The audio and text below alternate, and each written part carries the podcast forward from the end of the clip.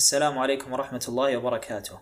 أهلا بكم في الحلقة الثانية من برنامج عشرة أسئلة حول الرؤية. في حلقتنا هذه سنتحدث عن برنامج تطوير القطاع المالي وبرنامج الاستدامة المالية وبرنامج التخصيص. ضيفي في هذه الحلقة هو عبد العزيز بن معيذر. مساء الخير عبد العزيز وشاكر لك تلبية الدعوة. مساء النور الله يسلمك. آه، في البداية ودنا نتحدث عن برنامج تطوير القطاع المالي ما هو برنامج تطوير القطاع المالي؟ آه، هو برنامج يختص بتطوير وتنمية الاقتصاد الوطني عن طريق تنويع مصادر الدخل وتنمية فكرة الادخار لدى الأفراد وتنويعها وتحفيزها كما هو الحال على التمويل والاستثمار وبخصوص الأمور المعنية بهذا التطوير هي القطاعات المالية مثل البنوك وقطاع التأمين وقطاع الاستثمار وأسواق الأسهم ممتاز وما هي أهم أهداف برنامج تطوير القطاع المالي؟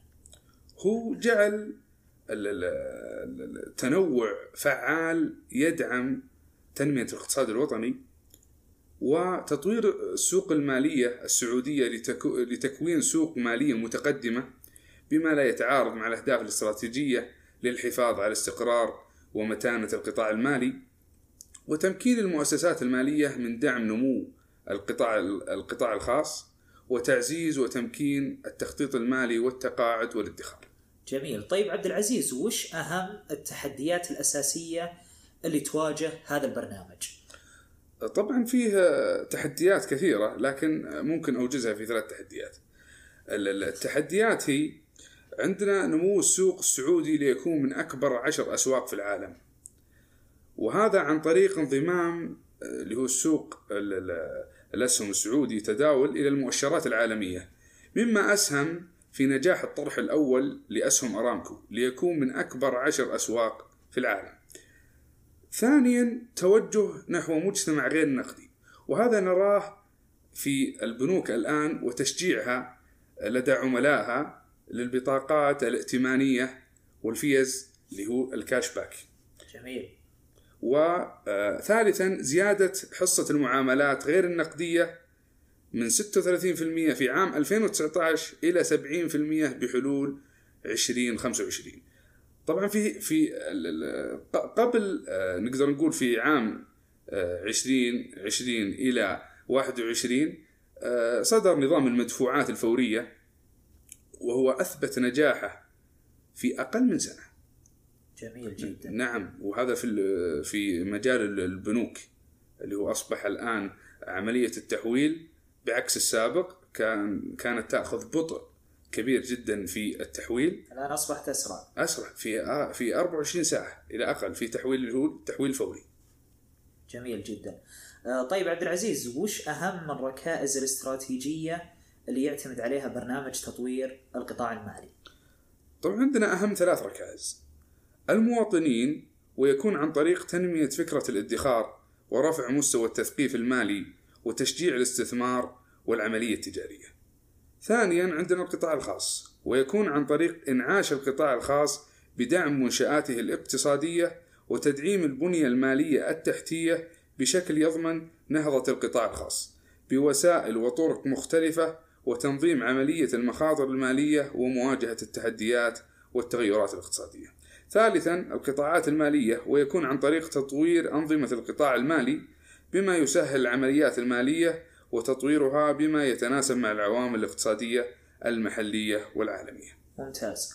آه، طيب عبد العزيز دعني الآن أنتقل إلى برنامج آخر من برامج رؤية المملكة 2030 وهو برنامج الاستدامة المالية.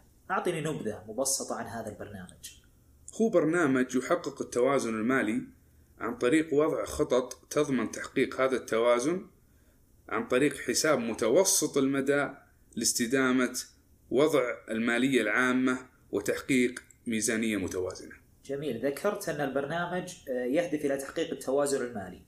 طيب ما هو دور برنامج الاستدامة المالية في السيطرة على نسب العجز من الناتج المحلي؟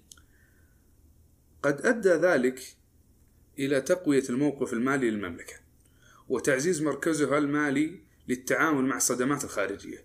وهنا عندنا وقفة في الصدمات الخارجية اللي هي التحديات الاقتصادية مثل ما حصل آه، من ركود اقتصادي في جائحة كورونا.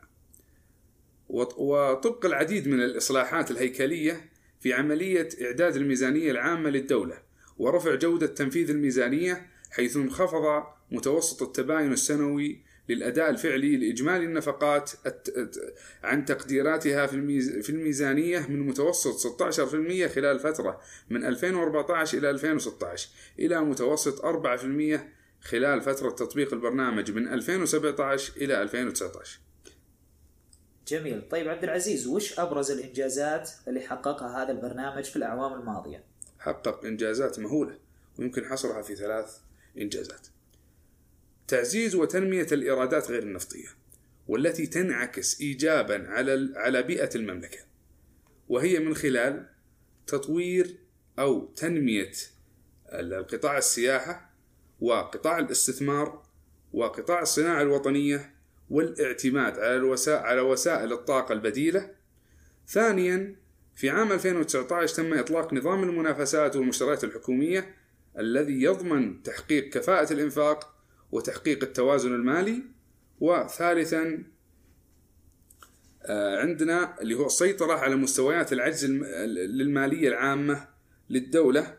ومن خلالها اتبعت المملكة العربية السعودية عدة طرق لتمويل العجز عن طريق إصدارات الدين المحلية والخارجية.